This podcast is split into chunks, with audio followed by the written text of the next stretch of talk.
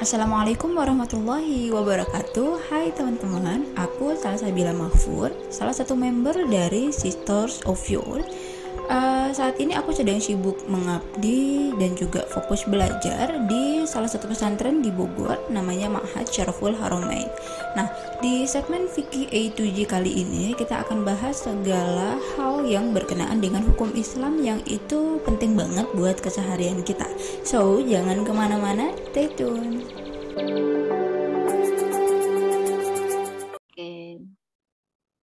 Oke, okay, bismillah. Alhamdulillah teman-teman semua, alhamdulillah uh, Kak Sabilnya sudah hadir. Uh, kita bisa mulai ya untuk uh, pembahasan tentang menjawab seputar kodo puasa dalam segmen fikih atau Z. Silahkan teman-teman semua disiapkan catatannya, kemudian pertanyaan terkait juga boleh. Insya Allah nanti misal ada waktu kita bisa buka Q&A-nya. Oke Kak Sabel, uh, mau ada perlu share screen atau bagaimana? Uh, kalau share screen belum ya. Uh, ya. Nanti mungkin aku uh, sedikit uh, menyampaikan ulasan dulu. Mungkin sebentar aja 15 menit ya. Uh, nggak nyampe 15 menit ya kayaknya. Nanti setelah itu um, apa namanya? Uh, kita mungkin buka sesi diskusi ya sama teman-teman. Mungkin masih okay. ada yang perlu dijawab. Ini kita okay, maksimal siap. sampai jam 9 berarti ya, Soimin? Uh, jam 9 boleh, lebih dikit juga boleh. Jadi sebisanya Kak Sabel maksimal sampai jam 10. ya, siap, siap. Ya, nanti dikondisikan sesuai dengan waktunya Kak Sabel. Oke, silahkan Kak okay, Sabel. Ya, baik. Ya, Bismillahirrahmanirrahim. Assalamualaikum warahmatullahi wabarakatuh. Ya, alhamdulillah, alhamdulillahirabbil alamin. Wa alhamdulillah nahmaduhu wa nasta'inuhu wa na'udzu billahi min syururi anfusina wa min sayyiati a'malina Mayyadihillah fala mudhillalah wa mudhil fala hadiyalah. Asyhadu an la ilaha illallah wa asyhadu anna Muhammadan abduhu wa rasuluh. La nabiyya wa la rasula ba'da amma ba'du. Alhamdulillah uh, teman-teman semuanya pada malam hari ini uh, kita bisa berjumpa kembali setelah sekian lama ya uh, rasanya aku belum aktif lagi ya sama teman-teman termasuk mungkin juga di uh, personal account ya. Aku juga uh, ya mau minta doanya ya dari teman-teman semuanya. Semoga uh, karena uh, apa ya aktivitas yang offline sendiri kalau pribadi itu cukup lumayan padat. Jadi uh, untuk apa namanya porsi yang online-nya memang uh, agak dikurangi gitu ya. Tapi alhamdulillah uh, insya Allah masih diberikan uh, kesempatan ya sama Allah untuk bersamai teman-teman sisters of yours semuanya ya semoga uh, teman-teman semua dalam keadaan sehat selalu ya tidak berkurang satu kenikmatan apa pun.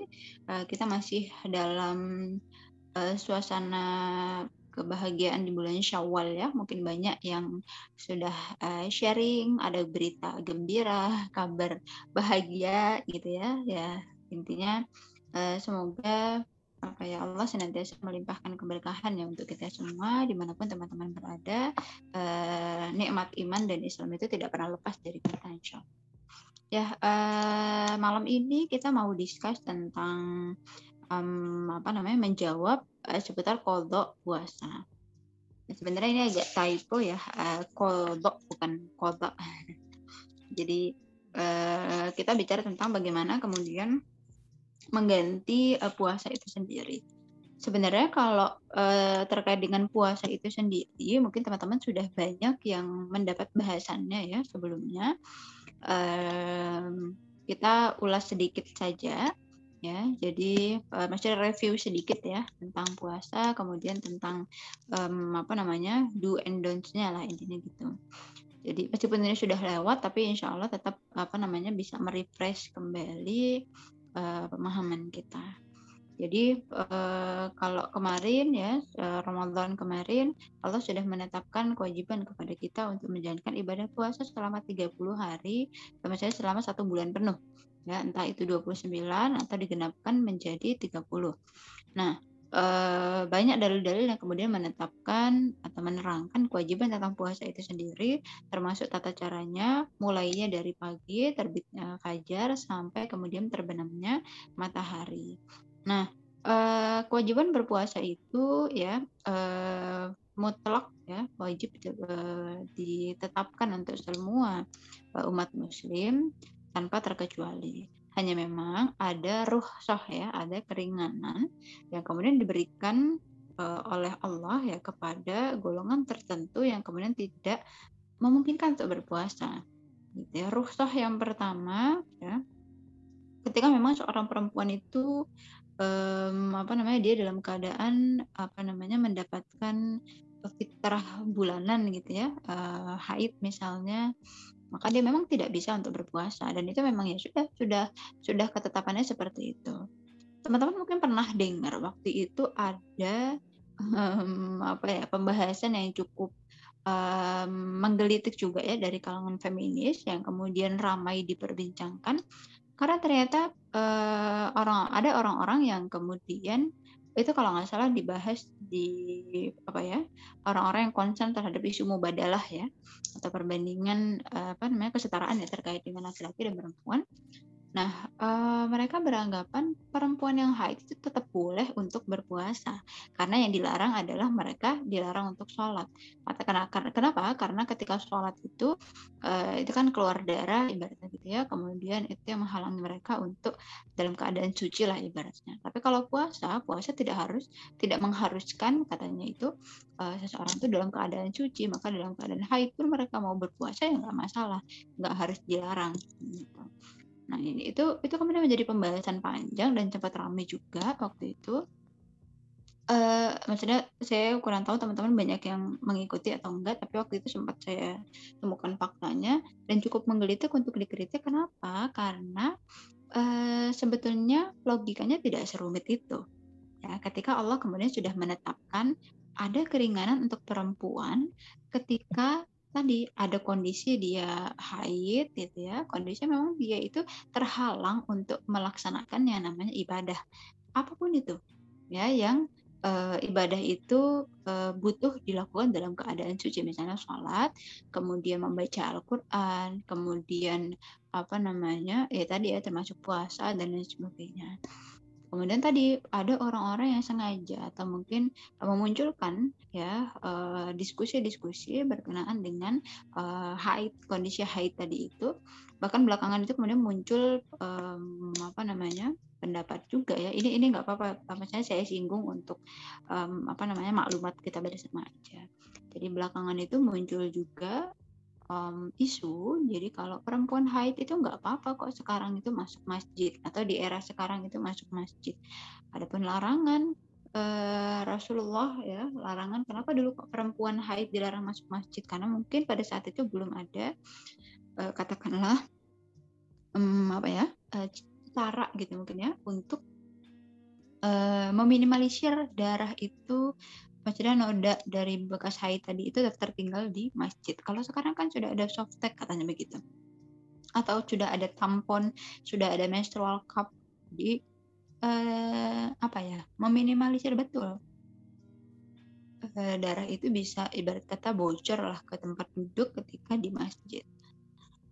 Nah, hal-hal seperti itu memang kalau kita menyandarkan kepada logika itu nggak akan nemu. Kenapa? Karena dari fikih itu kita nggak berpacu maksudnya yang kita jadikan acuan itu bukan logika, bukan penilaian berdasarkan nalar dan lain sebagainya, tapi apa yang kemudian kita jadikan patokan adalah berdasarkan nas ya atau dalil syariat.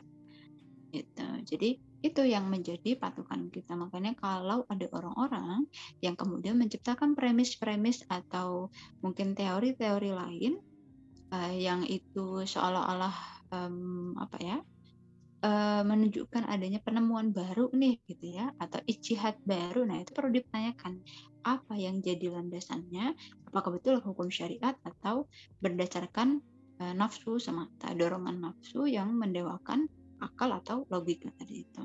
Nah, balik lagi ke bahasan tentang puasa tadi itu, jadi sebetulnya uh, Allah tadi ya memberikan rukhsah atau keringanan, ada memang beberapa uh, golongan atau orang yang dia itu memang tidak uh, apa namanya beban taklif puasa itu tidak jadi wajib untuk dia ketika dia mengalami kondisi-kondisi tertentu yang uh, diperbolehkan oleh syariat. Tadi yang pertama uh, perempuan ketika dia mengalami haid atau nifas maka dia uh, harus sampai selesai dulu gitu ya, uh, maksudnya harus sampai suci dulu uh, keadaannya itu baru kemudian dia boleh untuk menjalankan ibadah sebagaimana mestinya.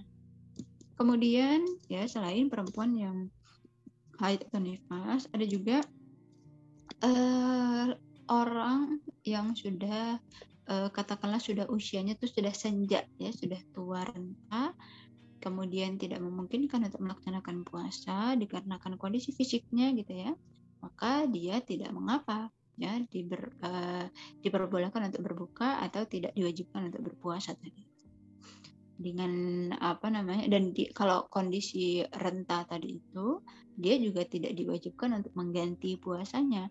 Dia hanya diwajibkan untuk membayar kafarat atau fidyah.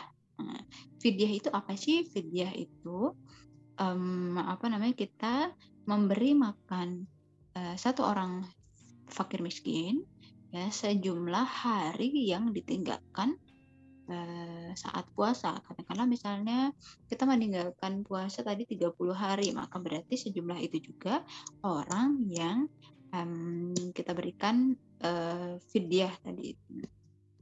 Nah, kemudian golongan yang ketiga, tadi golongan pertama perempuan yang tadi ya dia mendapatkan apa namanya fitrah uh, ya nisaiyah ya kewanitaannya, katakanlah dalam kondisi ahid atau nifas, Kondisi yang kedua, kondisi laki-laki eh, bukan laki-laki orang ya, orang tua maksudnya, orang tua yang sudah renta atau sudah senja, eh, yang sudah tidak memungkinkan lagi fisiknya untuk berpuasa, begitu ya. Dalam kondisi fisik yang tidak memungkinkan tadi itulah. Kemudian yang terakhir itu adalah kondisi wanita yang hamil dan menyusui. Um, kondisi yang kedua, yang ketiga ini ya wanita hamil atau menyusui ini memang ada banyak pendapat ya dari para ulama, ada ikhtilaf juga. Ikhtilaf atau perbedaannya itu dari segi apa? Yang pertama, uh, boleh apa yang wanita hamil dan menyusui tadi itu ketika uh, mereka ya ketika para wanita ini mengkhawatirkan dirinya. Jadi nanti kalau puasa tambah sakit, tambah lemas, tambah apa begitu ya. Yang dikhawatirkan adalah uh, kondisi dirinya atau juga kondisi yang lain ya misalnya eh, kekhawatiran yang muncul karena dirinya dan juga karena eh, kondisi anaknya jadi kalau misalnya wanita hamil berarti dia mengkhawatirkan kondisi dari janin yang dikandungnya. Kalau misalnya yang menyusui berarti dia mengkhawatirkan kondisi anak yang disusuinya.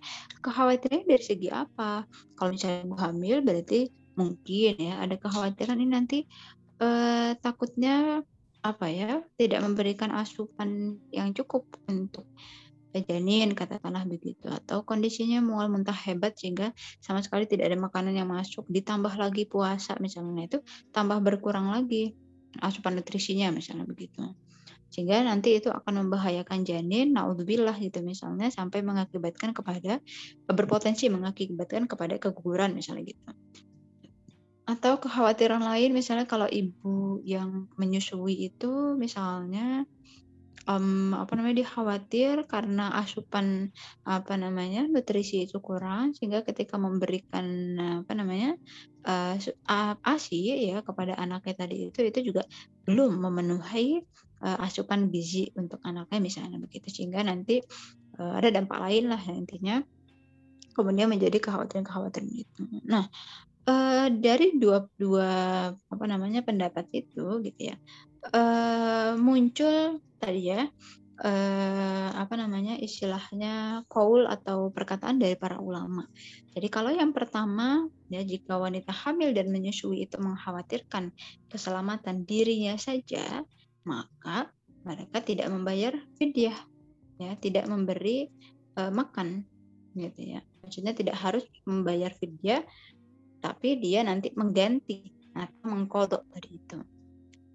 Nah, kalau yang dikhawatirkan adalah kondisi anaknya, ya tadi misalnya takut apa namanya asupan nutrisinya kurang, keguguran atau yang lain sebagainya, maka dia boleh untuk membayar fidyah.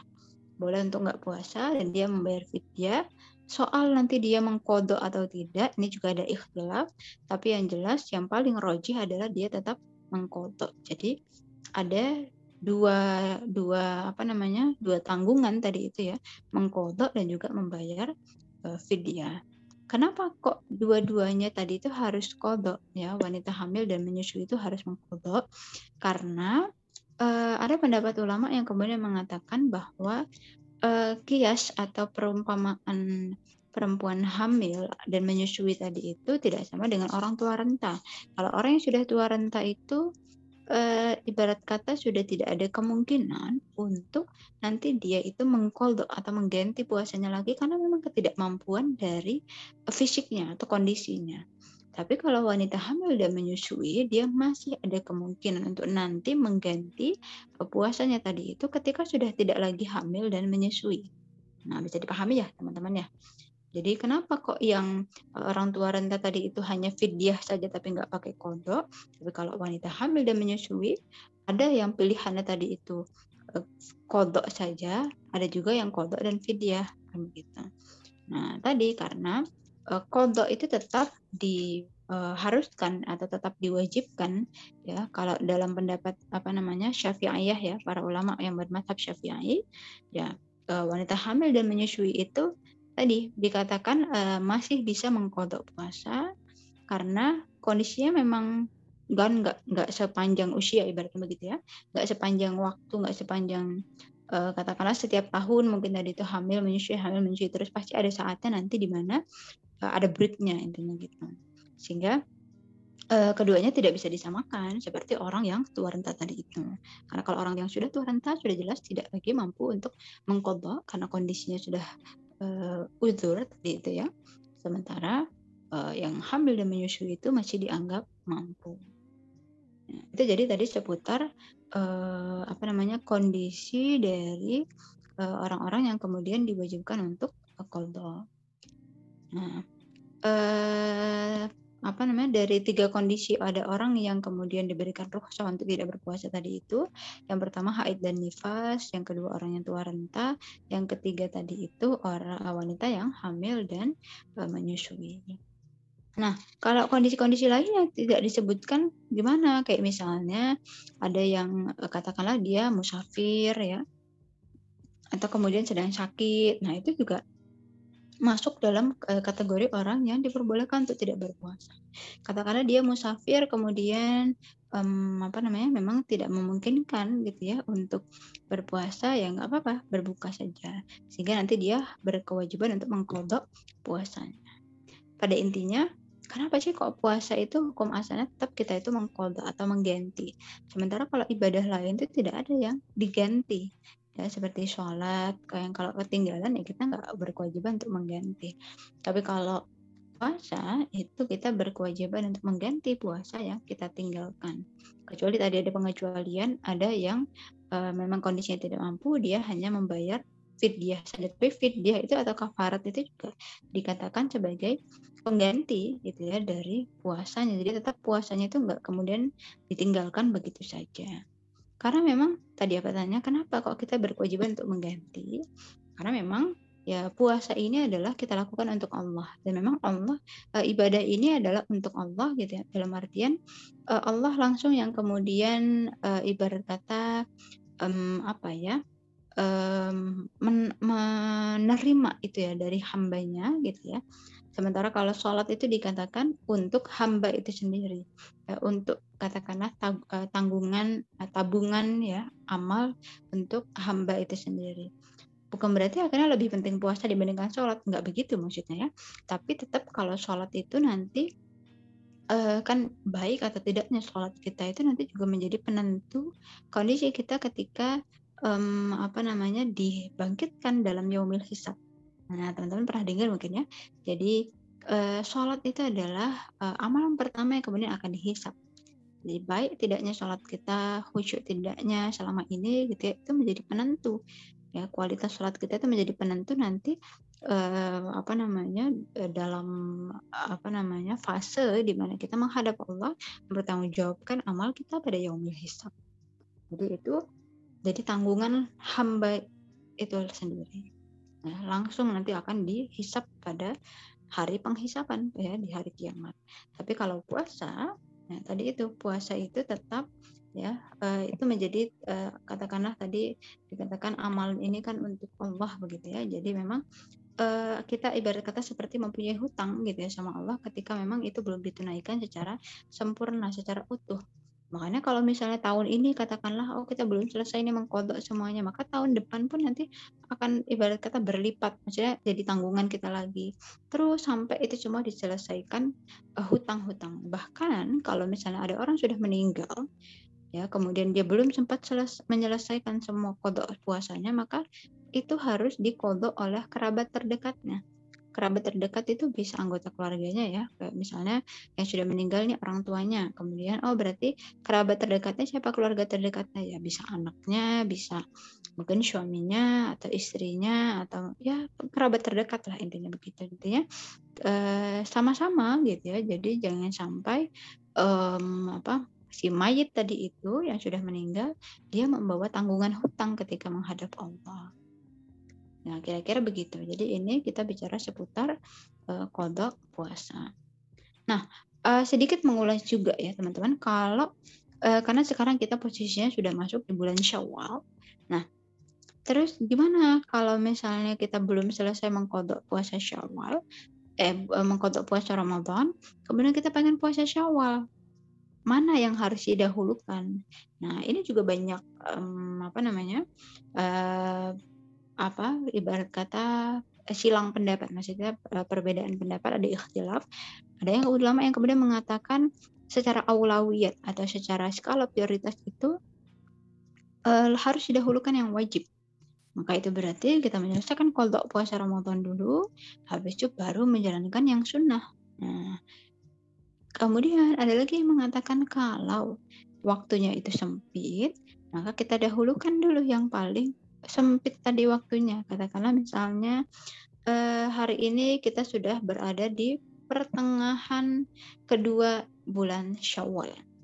Itu artinya Syawal sudah lewat separuhnya. Nah, berarti waktunya kan sudah sempit. Sementara katakanlah kita punya hutang puasa itu 20 hari misalnya. Nah, kalau kita kalkulasikan nggak memungkinkan. Nggak memungkinkan kalau misalnya kita mau mengkodok dulu puasa Ramadan semuanya baru kita puasa Syawal. Nah, akhirnya gimana? Nah, ada ulama yang kemudian membolehkan ya dia puasa enam hari dulu di bulan Syawal, nanti kodoknya itu bisa menyusul kemudian hari. Kemudian itu pendapat yang kedua. Kemudian ada lagi pendapat yang mengatakan ya uh, tetap harus uh, apa namanya disempurnakan dulu yang wajib tadi itu entah nanti dia kebagian atau tidak untuk puasa sunnah di bulan Syawal tapi yang jelas dengan dia melakukan puasa um, apa namanya di bulan um, maksudnya melakukan puasa kodok tadi itu di bulan Syawal maka sudah otomatis berarti dia mendapatkan juga pahala puasa di bulan Syawal. Nah, meskipun soal yang terakhir ini ini ada pendetailan, bukan berarti maksudnya kita bisa menggabungkan niat tadi itu ya antara uh, puasa wajib dengan puasa yang sunnah. Katakan oh ya udah kalau gitu kita puasa kodok aja dulu gitu ya, nanti juga dapat pahala puasa Syawal gitu. Nah, yang dimaksud adalah bukan seperti itu, tapi yang dimaksud adalah pahala puasa sunnah secara umum saja, bukan sunnah enam hari yang di bulan Syawal tadi itu. Dan kita juga nggak bisa menggabungkan niat ya antara niat yang satu wajib, amalan wajib, dengan niat yang satunya lagi amalan sunnah. Itu nggak bisa. Makanya hmm, tetap sendiri-sendiri amalnya. Makanya tadi akhirnya pendapat yang bisa kita pilih adalah entah pendapat yang pertama atau pendapat yang kedua. Pendapat yang pertama diselesaikan dulu yang wajib, habis itu baru menyenjakan yang sunnah. Atau pendapat yang kedua boleh mengambil yang sempit dulu waktunya, baru nanti yang kodok itu dilakukan di kemudian hari. Ya, Allahu a'lam. Uh, itu mungkin sedikit uh, ulasan dulu. Nanti silahkan mungkin dari teman-teman ada yang mau didiskusikan. Ya, boleh ya Soimin ya.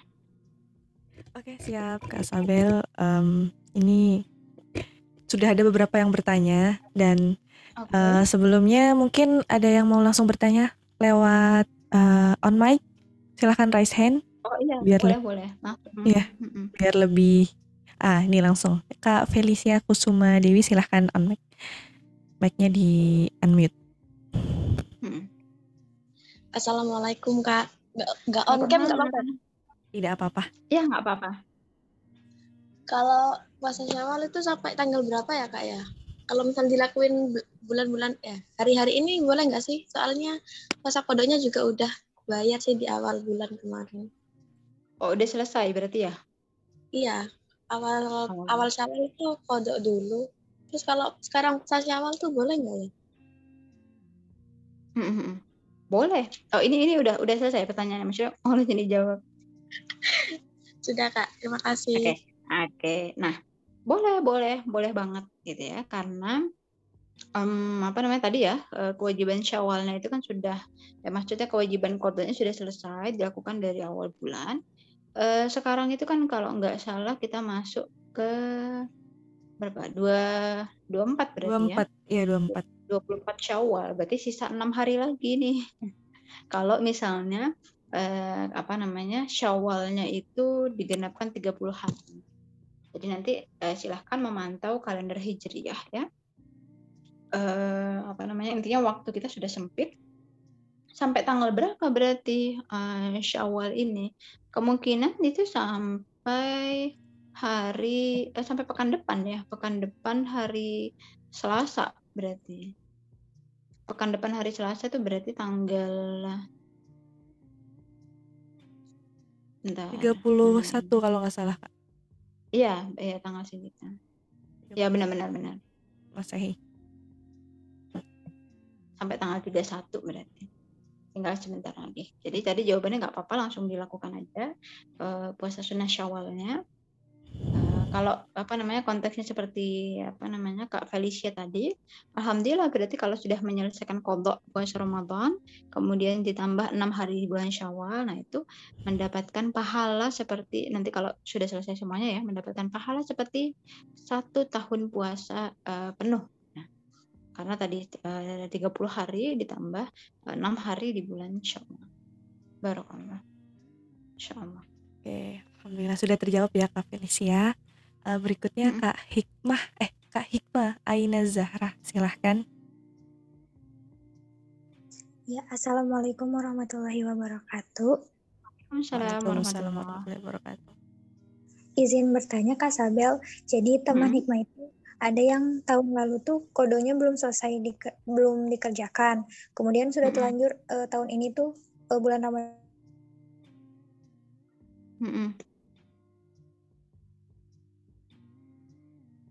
Eh, suaranya hilang Kak Hikmah.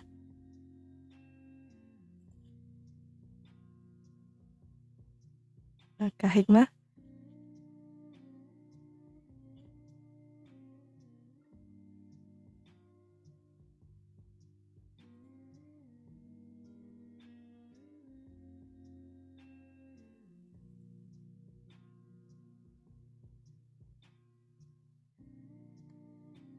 ya suaranya? kayaknya hilang deh. Oke, nggak apa. Mhm, mhm, mhm. Kita ini.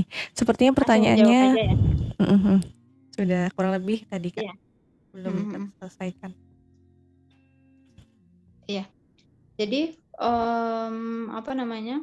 Kalau pertanyaannya tadi ya, em, tadi kurang lebih yang kita tangkap ya, yang kami tangkap pertanyaan adalah ketika dia belum selesai melakukan kodok puasanya di tahun lalu, kemudian udah keburu tahun ini udah puasa lagi nih Ramadan, kemudian ada tanggungan lagi, ya itu gimana kodok puasanya yang tahun lalu? Nah, eh, para ulama madhab berbeda pendapat ya. Kalau eh, kita karena eh, mayoritas adalah madhab syafi'i ya, madhab syafi'i. Kalau berdasarkan madhab syafi'i itu dikatakan bahwa em, apa namanya orang yang tadi ya menunda kodok puasanya sampai masuk Ramadan berikutnya tanpa ada uzur, maka bisa dikatakan dia sudah berdosa.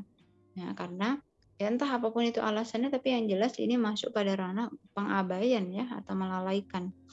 Karena tadi sebenarnya kondisinya kan apa interval atau jarak waktunya itu kan satu tahun, 12 bulan gitu ya. Nggak mungkin dalam 12 bulan itu betul-betul tidak ada waktu untuk katakanlah mengganti atau melaksanakan kodok tadi itu. Nah maka atas kelalaian ini tadi gitu ya dia eh, caranya gimana? Tetap nanti Ramadan yang tahun ini dijalankan dulu saya sampai selesai. Kemudian nanti dia eh, apa namanya berkewajiban untuk mengkodok juga ya puasa Ramadan yang ditinggalkan di tahun lalu. Nah, tapi kalau menurut madhab Syafi'i ya, menurut Imam Nawawi, uh, beliau juga menambahkan selain kodok, ya selain mengkodok puasa Ramadan yang tahun lalu, dia juga wajib membayar fidyah untuk setiap hari yang ditinggalkan tadi itu. Katakanlah misalnya oh tahun lalu tuh kayaknya hutangnya 15 atau 10 hari misalnya.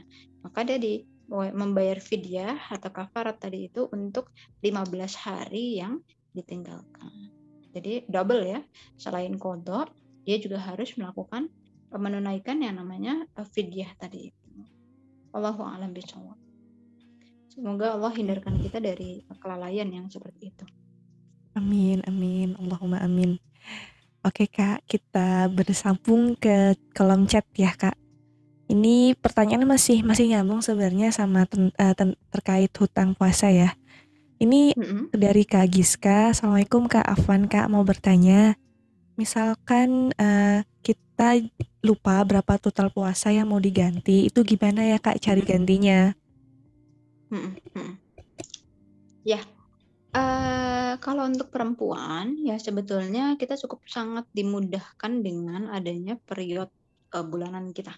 Jadi teman-teman cukup mengkalkulasikan aja, katakanlah biasanya nih aku dapatnya apa enam hari. Oh, berarti kira-kira kita akan meninggalkan uh, maksudnya kita uh, bolong puasa tadi itu hanya pas haid saja, gitu. Kecuali teman-teman ada yang ngerasanya itu kayak sakit atau apa. Nah, kalau sakit justru mungkin lebih mudah lagi nanti kita bisa apa namanya cek uh, apa namanya katakanlah mungkin history apa medical record kita misalnya pernah oh sampai dirawat kah berobat kah atau apa nah itu bisa jadi bantuan informasi juga pada intinya memang penting ya untuk kita tuh mencatat setiap uh, ibaratnya hutang. Ya ini kan uh, puasa yang kita tinggalkan itu kan termasuk uh, hutang juga ya. Jadi memang harus dicatat betul-betul jangan sampai kita uh, lupa gitu. Kalau misalnya lupa tadi itu maka ada yang namanya taksiran tadi ya atau uh, teman-teman coba uh, kira-kira karena karena kalau misalnya tadi oh kira-kira hmm, kira-kira apa uh, tidak puasanya itu karena uh, haid misalnya. Nah, haidnya biasanya berapa hari? Nah, itu yang saya itu saja yang jadikan patokan. Saya mau dilebihkan satu hari atau dua hari dengan asumsi kadang-kadang kita haidnya itu nggak pasti misalnya enam hari kadang-kadang paling banyak itu 10 hari kadang mungkin flek-fleknya belum selesai sampai betul-betul keluar keputihan yang warna putih begitu ya maka ya udah ambil yang paling banyak kalau kita uh, merasa ragu tadi itu berarti intervalnya yang paling panjang uh, 10 hari itu yang akhirnya kita kodok kira-kira begitu jadi um, apa namanya teman teman-teman pakai taksiran tadi itu ya yang paling banyak atau yang paling apa ya meyakinkan teman-teman lah intinya gitu meskipun tadi tetap hukum asalnya kalau bisa setiap hutang itu kita catat atau kita kabarin mungkin ya ke orang terdekat kita jadi bisa untuk menjadi pengingat buat kita juga. Oke. Okay. alam. Oke kak, pertanyaan berikutnya ini dari Kak Anissa Fitria. Uh, bagaimana menghitung kelipatan hutang puasa, Kak? Hmm. Itu aja Menghitung kelipatan hutang puasa? Iya. Cuma sampai situ uh, pertanyaannya. Iya. Jadi Mungkin bisa diperjelas, uh, Kak Anissa. Kelipatan hutang puasa. Oh ini Kak Anissa Fitria. Silahkan di unmute Kak, langsung aja. Oh iya, Kak. Assalamualaikum. Waalaikumsalam Jadi, uh, dalam artian kita kayak menghitung ya, kan ketika kita seandainya tahun ini kita punya utang 10 dan tahun depan itu kita masih belum bayar sampai mendekati Ramadan. Apakah itu sudah terhitung melipat kelipatan puasa yang akan kita ganti, Kak?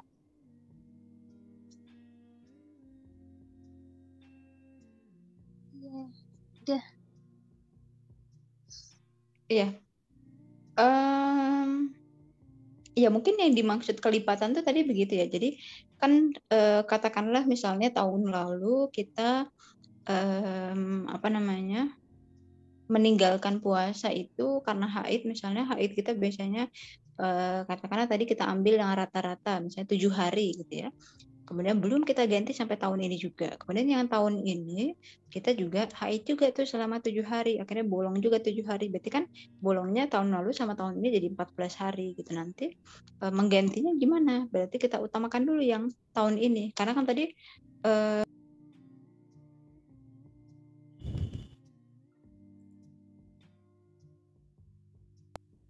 ketutup tadi ya. Ya, karena kan tadi um, apa namanya asumsinya kita menyelesaikan dulu puasa yang tahun ini termasuk dengan kodoknya yang tahun ini. Baru setelah yang ke tahun ini selesai kemudian kita teruskan dengan kodok yang uh, tahun lalu tadi itu. Berarti double ya antara tahun ini dan tahun yang sebelumnya. Kemudian tadi kalau dalam madhab syafi'i uh, sepemahaman kami uh, menurut penjelasan Imam An-Nawawi itu eh, namanya selain mengkodok untuk puasa yang tahun lalu juga diharuskan untuk membayar uh, fidyah atau kafarat tadi itu memberi makan uh, fakir miskin ya uh, sejumlah hari yang ditinggalkan. Kalau meninggalkan tujuh hari berarti memberi makan uh, tujuh uh, orang miskin tadi itu. Kira-kira begitu. Oh, uh, ini juga tadi yang uh, belum diperjelas ya. Memberi makannya itu uh, takarannya seberapa. Nah, apakah kemudian cuma uh, nasi kucing aja gitu ya? Nah, ini um, apa namanya? Ada takarannya sebetulnya. Kalau misalnya takarannya itu uh, apa namanya? Menurut uh, madhab syafi'i itu ya uh, satu mud. Nah, satu mud itu kalau dalam kalkulasi uh, kalau kita kalkulasikan ya itu kira-kira um, apa namanya sekitar satu kilo lah paling paling maksimalnya ya kalau kalau kalkulasi apa namanya koma-komaannya itu 0,75 gram eh, apa kilogram beras gitu. Nah, eh, bukan beras saja maksudnya makanan pokok lah tadi itu. Nah, kalau misalnya eh, apa namanya eh, kita mau eh, ganti dengan apa namanya maksudnya kita konversikan gitu ya dalam bentuk uh, uang tadi berapa banyak berarti uh, kita harus membayarnya. Ya kira-kira kalau uh, di Indonesia itu ya kita sudah terbantu dengan keputusan dari Badan Amil Zakat. Nah itu dikalkulasikan. Kalau mau ya besaran fidyah itu adalah sekitar um, apa namanya 50 ribu lah itu maksimalnya. Karena dengan asumsi uh, tadi itu uh, apa namanya uh, makanan pokok yang kemudian sudah dikonversikan menjadi uh, uang tadi kira-kira begitu. Itu besaran uh, apa namanya fidya dan juga kodok tadi yang kemudian jadi kalau apa katakanlah dia punya hutang tahun lalu maka yang dilakukan adalah dia membayar kodok dan juga membayar fidya nah mungkin ini Saimin sekalian menyambung tadi juga ada pertanyaan uh, yang se ini ya serupa tadi itu.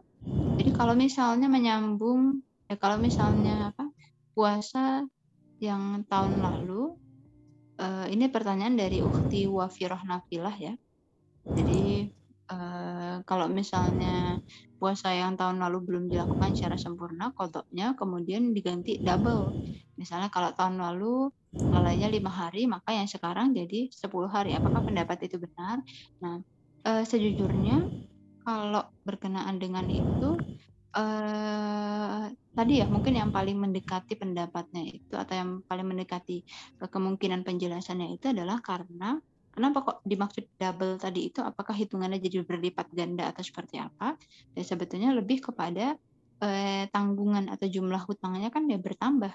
Hutang yang tahun lalu sama hutang yang tahun ini. Makanya karena misalnya tahun lalu eh, haidnya biasanya tujuh hari tahun ini juga biasanya tujuh hari juga misalnya sudah stabil begitu ya maka hutangnya kan otomatis menjadi 14 ya dari tujuh menjadi eh, dua kali lipat berarti jadi 14 tadi jadi yang dimaksud double tadi itu karena ada tanggungan tahun lalu dan tahun ini, maka otomatis itu menjadi double. Jadi bukan hanya melakukan kodok yang tahun lalu juga. Kecuali memang jika tahun ini benar-benar mungkin ya eh, tiba-tiba hamil misalnya, akhirnya kan nggak ada apa namanya nggak ada bolong karena haid gitu ya.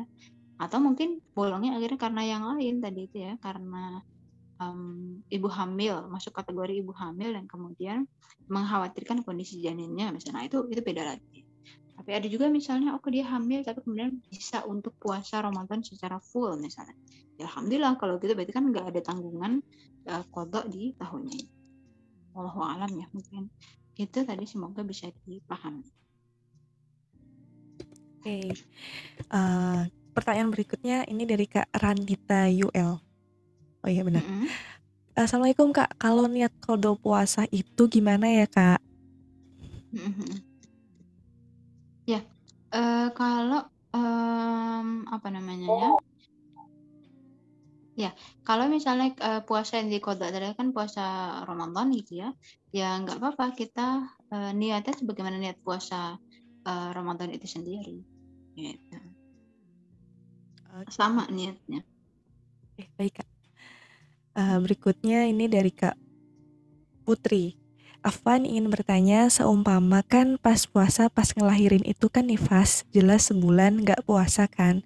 Terus niatnya mau dikodok puasanya, tapi pas abis puasa belum bisa puasa kodok karena menyusui, takut anaknya sakit, apa atau kurang asinya karena masih kecil. Dikodoknya tahun berikutnya pas setelah udah nggak mengasihi anak lagi, alias anaknya sudah disapih. Gimana Kak kira-kira? Iya. Nah, kalau kondisi yang seperti ini berarti eh, tadi ya eh, kondisi ibu ini berarti maksudnya kondisi wanita yang memang tidak melakukan puasa secara eh, penuh karena mengkhawatirkan kondisi anaknya. Nah, kalau ini tadi masuk kategori yang eh, wanita ini boleh untuk eh, melakukan eh, apa namanya membayar fidyah. Nah, selain membayar fidyah, kemudian nanti juga mengkodok. Nah, eh, apakah kemudian membayar fidyah dan mengkodoknya itu dilakukan secara bersamaan? Ya, kalau bisa secara bersamaan, ya. Tapi kalau misalnya ternyata qadarullah yang baru dilak yang baru bisa dilakukan adalah em, apa namanya membayar fidyahnya dulu, ya nggak masalah. Jadi sudah ditunaikan dulu fidyahnya, kemudian setelah itu menyusul eh, kodok. Jadi kira-kira begitu. Oke Kak, semoga terjawab ya Kak Putri ya. Kita lanjut pertanyaan berikutnya. Ah ini. Oke Kak, Kak Sabel kalau haidnya selesai di tengah malam, apakah kita harus mandi hadas sebelum azan subuh? Mungkin ini tadi terkait Oh iya. obrolan Kak Sabel di awal tadi ya? Mm-mm, mm-mm, betul. Ya, em, kalau kondisinya kita haid ya, maka eh, boleh haid atau kondisi berhadas besar dalam artian junub mungkin ya, mungkin suami istri habis jima kemudian mandinya apakah harus sebelum subuh, sebelum sahur atau boleh habis subuh. Nah, kalau kondisi seperti ini sebetulnya boleh untuk eh, apa namanya dia itu berni, eh, ni- maksudnya niatnya itu sebelum eh, subuh yang jelas ya niat kan terhitung eh, ketika sebelum subuh. Kalau misalnya kita sudah selesai subuh itu kemudian baru niat maka itu tidak terhitung sebagai puasa. Nah makanya ini yang perlu kita pahami. Kenapa? Karena kan puasa Ramadan itu atau puasa itu sendiri kan dihukumi sejak terbitnya fajar sampai terbenam matahari. Kalau misalnya kita baru niat itu katakanlah jam 6 udah matahari sudah terbit misalnya nah itu tidak tidak apa namanya tidak sah gitu ya. Makanya kalau misalnya kondisinya seperti tadi nggak masalah. Kita niat dulu dari malam misalnya ya. Eh, jaga-jaga kalau misalnya apalagi yang haid jaga-jaga kalau misalnya besok itu udah suci gitu. Jadi nanti tetap niat sahur kemudian nanti kita em, apa namanya mandinya tuh boleh habis subuh juga nggak apa-apa gitu ya. Jadi nggak harus sebelum subuh nanti. Eh, eh terus ternyata misalnya kita sudah niat dan sudah sahur terus ternyata habis subuh eh, kemudian katakanlah masih keluar lagi makanya belum betul-betul suci ya nggak masalah. Berarti kan itu jadi uzur ya jadi rukhsah untuk kita. Tapi yang jadi masalah atau mungkin yang disayangkan tadi itu kalau ternyata udahlah kita dari malam nggak niat kemudian nggak ikut sahur juga tahu-tahu ternyata habis subuh benar-benar suci tuh. Nah terus kita gimana? Atau mau puasa lanjut kan juga nggak bisa. Kalau konteksnya puasa sunnah itu boleh. Kalau puasa sunnah itu kita baru niat katakanlah misalnya kita bangun misalnya habis subuh nih kemudian kita belum makan sampai jam 6 terus ah udahlah mau lanjut aja puasa. Itu boleh. Terus sampai bablas ke maghrib gitu ya itu boleh. Katakanlah biasanya kayak Senin Kamis gitu ya. Nah, tapi kalau puasa wajib atau puasa kodok itu nggak bisa seperti itu. Tetap niatnya harus sebelum uh, fajar tadi itu. Makanya paling aman kalau kondisi perempuan ya, uh, tetap kalau katakanlah uh, kita udah kayak mau deket-deket beres haidnya, ya tetap aja ikut niat, kemudian sahur, nanti mandinya katakanlah udah habis subuh juga nggak apa-apa. Oke, baik Kak. Nah, untuk kodok puasa mayit, apakah yang Kak Sabel maksud membayar fidyah termasuk kerabatnya berpuasa untuk mayit tersebut, Kak? Iya, uh, kalau mayit di sini ya, uh, itu kodoknya itu sebetulnya kodok uh, kata kalau misalnya ya kondisi mayitnya itu katakanlah um, itu orang yang memang tidak mas kan tadi ya kita coba detaili dulu. Kategori orang yang boleh untuk membayar fidyah tadi itu adalah orang yang uh, sudah tua renta yang sudah tidak memungkinkan lagi fisiknya itu untuk berpuasa.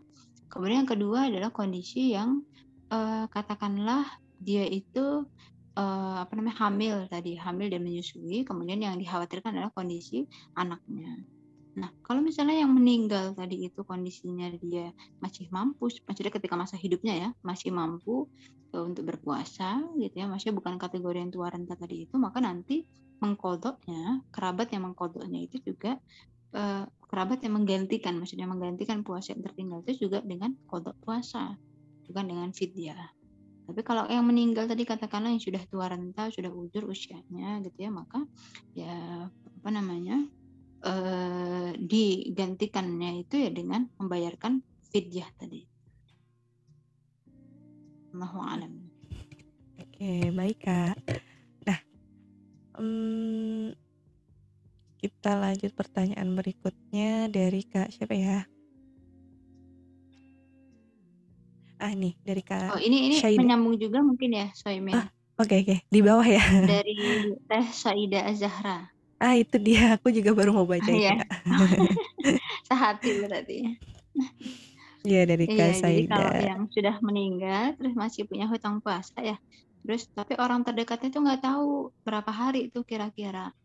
Nah, tadi kalau misalnya kita nggak tahu kira-kira berapa hari yang ditinggalkan, ambil waktu paling penuh waktu paling penuh berapa intervalnya? Kita maksudnya dia katakanlah misalnya dia seorang laki-laki yang tidak menyalami yang namanya haid atau apa. Jadi kita nggak ada intervalnya kira-kira pakai apa nih patokannya. Ya udah ambil yang 30 hari tadi itu mau nggak mau gitu ya. Kira-kira begitu. Berarti itu ya jawabannya Kak Syaida Azahra. Ya berikutnya Ah ini Kak, kalau misalkan puasa Syawal belum beres, terus keburu haid dan waktunya udah mepet gimana ya, Kak? Mhm. Nggak masalah, karena kan puasa Syawal ini kan sebetulnya sunnah ya.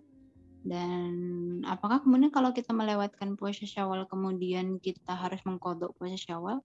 Jawabannya tidak ada kodok untuk ibadah yang sunnah, untuk puasa yang sunnah. Jadi kalau ketinggalan ya nggak masalah udah yang jelas ya terus gimana dong? Saya mungkin ya ya. Uh, semoga Allah menilai kesungguhan kita keseriusan kita ketika kita berupaya untuk betul-betul menyempurnakan ya pahala puasa Ramadan kita dengan melaksanakan enam hari puasa di bulan Syawal. Tapi kalau ternyata kita belum memungkinkan juga ya semoga Allah mencatat tadi ya kesungguhan kita dan nanti itu bisa menjadi evaluasi mungkin berarti ya di tahun depan Nah, berarti kita harus mencuri startnya itu lebih awal.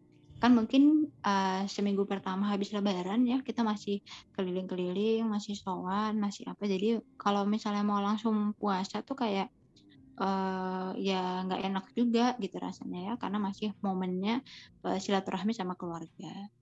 Tapi kalau misalnya apa maksudnya setelah itu ya katakanlah setelah 10 hari lah berarti masih ada 20 hari lagi nah itu bisa sebetulnya kita kejar. Makanya kalau tahun ini kita belum sempurna, uh, semoga Allah mampukan kita untuk menyempurnakan uh, di tahun depan, insya Allah.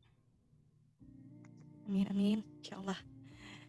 Oke kak, ini ini tadi sebenarnya kayaknya sudah dibahas ya, tapi nggak apa-apa ya, biar lebih yakin aku bacain dari Kak Ulfa Lutfia.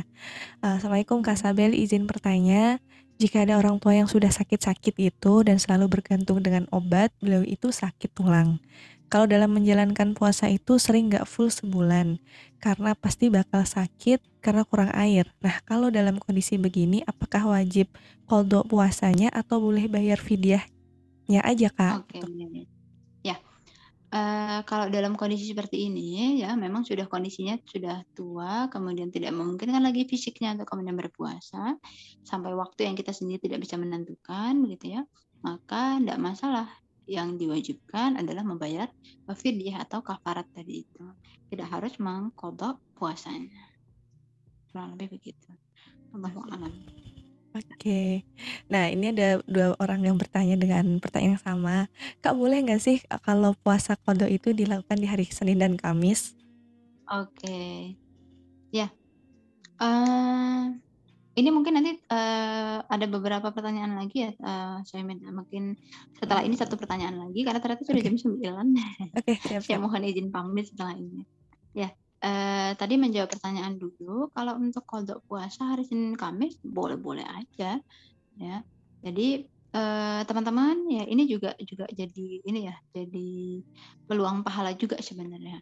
Ketika misalnya misalnya di hari biasa ya teman-teman itu um, apa namanya biasa melakukan maksudnya di bulan-bulan yang lain ya selain bulan Ramadan dan bulan Syawal misalnya teman-teman biasa melakukan yang namanya puasa sunnah. Di hari Senin, di hari Kamis atau mungkin puasa ayamul bid ya puasa pertengahan bulan.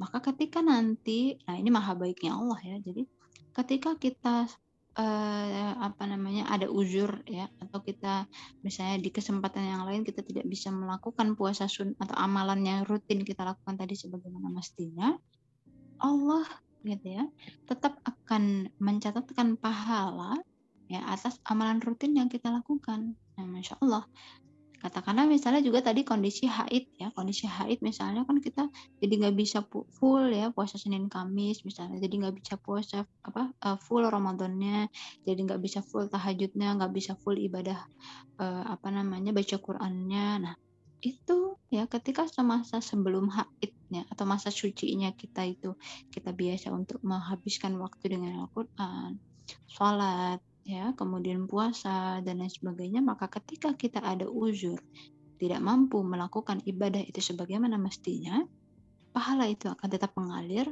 kepada kita. Insya Allah. Nah, sama ya tadi kondisi haid, kondisi safar juga misalnya kita nggak bisa optimal untuk melakukan ibadah sebagaimana mestinya, tapi ternyata kita tetap dapat pahala ya atas ibadah yang biasa kita lakukan secara optimal tadi itu. Makanya kalau misalnya tadi konteksnya mungkin ini kegalauan juga ya. Ada teman-teman yang aduh kan kita biasa puasa Senin Kamis ya, tapi ini ada tanggungan kita harus mengkodok puasa terus nanti Senin Kamisnya sayang dong gitu. Jadi mendingan puasa kodoknya di hari lain aja selain Senin Kamis. Nah, kalau seperti itu, teman-teman tadi ya ketahuilah bahwa teman-teman tetap mendapatkan bonus ibaratnya gitu ya. Karena biasa puasa Senin Kamis, maka ketika Senin Kamisnya tidak di uh, tidak dijadikan untuk puasa sunnah Senin Kamis tadi itu melainkan uh, melaksanakan tanggungan hutang atau kodok puasa Ramadan, maka teman-teman tetap akan mendapatkan pahala puasa di hari Senin dan Kamis. Itu maha baiknya Allah ya. Jadi ini juga sekaligus jadi motivasi buat kita juga. Jadi uh, Allah itu katakanlah mungkin kita itu kadang-kadang perhitungan gitu ya sama uh, pahala dan dosa, tapi Allah itu tidak pernah perhitungan ya memberikan uh, pahala tadi itu berlimpah berlipat-lipat itu Allah berikan untuk hambanya. Maka kita yang coba uh, apa namanya mengejar setiap kesempatan itu dengan sebaik-baiknya. Jadi tadi jawabannya boleh saja ya melakukan kodok puasa di hari Senin dan Kamis. Oke, okay. masya Allah, jazakallah khair Kak Sadel. Ini masih terima satu pertanyaan lagi Kak. Kak. Mm -hmm. Oke, okay. ini aku langsung ke Kak Neni ya. Assalamualaikum, hmm. Afwan Kasabel ingin bertanya terkait fidyah, apakah boleh kita menitipkan kepada badan amil zakat yang menerima fidyah untuk disalurkan, atau lebih baik kita mencari dan menyalurkannya sendiri pada orang-orang yang berhak menerimanya? Boleh, ya. Jawabannya itu boleh. Jadi uh, justru adanya eh, apa namanya lembaga seperti itu itu kan sebetulnya untuk membantu kita menyalurkan kepada yang eh, berhak untuk menerimanya. Asalkan memang kita betul-betul tahu track recordnya, kita betul-betul pastikan atau kita betul-betul eh, apa namanya mendapatkan eh, ya live reportnya ya bahasanya kayak kita betul-betul bisa tahu oh ini benar-benar sudah tersalurkan atau belum. Karena jangan sampai kita kayak udah menyerahkan aja terus kita nggak mau tahu ini eh, terlaksana atau enggak. Nah, enggak begitu. Tapi kita betul-betul memastikan karena kan ini ibarat kata kayak eh, apa ya? kaitannya kan dengan tanggungan kita ya, hutang kita sama Allah. Kalau hutang itu masih belum tertunaikan secara sempurna, maka selamanya itu pasti akan eh, masih akan makanya itu yang kita kejar. Kalau misalnya kita mau ikut apa namanya katakanlah disalurkannya oleh eh, badan eh, yang berwenang tadi itu, ya silahkan saja dengan syarat kita juga ikut memastikan betul-betul bahwa eh, fidyah atau kafarat tadi itu betul-betul tersalurkan sebagaimana mestinya. Kira-kira begitu ya, Allah alam. Oke, Masya Allah. Alhamdulillah sudah selesai uh, kita di Ya, penghujung acara. Uh, mungkin sebelum di uh, Soimin tutup ada sta- closing statement dari Kak Sabel untuk teman-teman yang hadir malam ini. Iya. Eh, alhamdulillah ya teman-teman. Eh, tadi kita sedikit sudah banyak sedikit banyak sudah diskusi terkait dengan kodok puasa. Eh, sekali lagi ya mungkin nanti teman-teman ada yang dirasa belum cukup mungkin ya atau dirasa ada pendapat yang kemudian apa namanya paling rojih yang menurut teman-teman bisa diambil ya itu dipersilahkan ya. Karena dalam fikih itu prinsipnya kita kan berpegang kepada dalil ya bukan mengikut bukan hanya mengikut kepada orang ibaratnya gitu. Jadi kita juga harus tahu atau kita harus paham ya bahwa oh, memang kita betul-betul mengacu kepada dalil tersebut kepada nas syariat jadi eh, ini menjadi challenge juga ya sekaligus menjadi challenge juga untuk saya pribadi maupun untuk teman-teman eh, agar kita itu selalu merefresh ya pemahaman fikih kita. Fikih apa pun itu yang berkenaan dengan kehidupan kita fikih keluarga fikih perempuan fikih ibadah dan lain-lain ya supaya eh, keterikatan kita kepada hukum syariat itu memang betul-betul didasarkan kepada pemahaman bukan hanya didasarkan kepada eh, perasaan. Nah, kenapa? Karena kalau kita menstandarkan ketaatan kita kepada Allah itu hanya berdasarkan perasaan, nah, teman-teman tahu ya, perasaan itu mudah berbolak-balik. Satu sisi dia menguat gitu ya, dia meninggi, meningkat gitu ya. Satu sisi kadang dia futur, terjun bebas ibaratnya gitu ya. Mungkin kita ngerasa kayak kita nggak punya motivasi lagi. Makanya bahaya banget. Kenapa sih kok ada kasus orang hijrah ya kemudian saudara-saudari kita hijrah kemudian naudzubillah ya ketika kemudian sekalinya condong kepada masa lalunya kembali itu bisa berubah 180 derajat seolah seperti tidak pernah mengenal Islam sebelumnya. Kok bisa seperti itu ya? Bisa jadi tadi eh, apa namanya ketaatannya itu masih disandarkan kepada perasaan.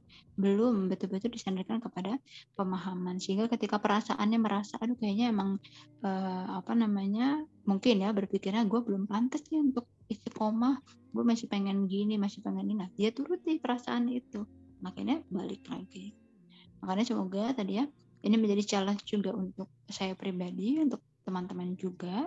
Eh, ayo ya bareng-bareng kita terus memperkuat pemahaman Islam kita sehingga kita beriman itu berlandaskan beriman dan berislam itu berlandaskan pemahaman bukan hanya berlandaskan perasaan. Semoga juga Allah senantiasa istiqomahkan kita dalam ketaatan di tengah gempur aru- gempuran arus fitnah di akhir zaman. Insya Allah ini mungkin ya uh, Soimin nanti kita bisa sambung di uh, lain kesempatan segala kekurangan dari saya pribadi ya kelebihan ya ke eh, kebaikan semuanya datangnya dari Allah. Masya Insya Allah. itu syukran. Assalamualaikum warahmatullahi wabarakatuh. Waalaikumsalam warahmatullahi wabarakatuh. Jazakillah khair Kak untuk uh, closing statementnya yang sangat-sangat memotivasi kita semua. Insya Allah teman-teman semua di sini dikuatkan ya dengan kata-kata yang masya Allah banget yang disampaikan sama Kak Sabel. Tetap semangat semuanya. Semoga kita semua Allah mudahkan untuk istiqomah, mudahkan segalanya untuk menghadapi arus fitnah di uh, zaman ini. Uh, insya Allah kita ketemu lagi di acara berikutnya yang silahkan ditunggu tunggu lagi infonya insya Allah di share di Instagram dan grup Sister of Yours Eh, teman-teman semua yang mungkin nanti mau mereview lagi silahkan ditunggu eh, dengan sabar rekamannya akan di, dan di-upload di Spotify insyaallah. Uh, bantu doanya ya untuk tim Soy semoga dimudahkan dalam proses editingnya. Uh, mungkin sampai sini aja ya. Mohon maaf lahir batin atas segala kesalahan dan kekurangan dari Soimin uh, dan tim Soy lainnya dari Kak Sabil juga. Semoga teman-teman ridho. Uh, semoga kita juga bisa bertemu di kesempatan lain dan sehat-sehat selalu. Selamat beristirahat. Jangan lupa untuk uh, melaksanakan sunah-sunah sebelum tidurnya, almuknya dan uh, lainnya. Oke, sampai sini Uh, jangan lupa yang mau share resume silahkan diupload di Instagram. Boleh tag Soimin nanti Soimin repost insya Allah. Oke okay, kita cukupkan ya. Kita cukupkan sampai sini. Terima kasih yang sudah menyimak dari awal sampai akhir dan sudah bertanya juga. Semoga teman-teman semua baik-baik ya. Semangat terus kita akhir dengan hamdalah, alhamdulillahirobbilalamin, kemudian istighfar, astagfirullahaladzim, astagfirullahaladzim, astagfirullahaladzim, lalu ditutup dan disempurnakan dengan doa kifaratul majelis. Subhanakallahumma wa bihamdika, syahadu ala ilaha ila anta astaghfiruka wa atubu ilaih. Jazakallah khair, barakallahu fikum, bilahi taufiq walhidayah. Wassalamualaikum warahmatullahi wabarakatuh. Bye-bye semuanya, selamat malam, selamat beristirahat.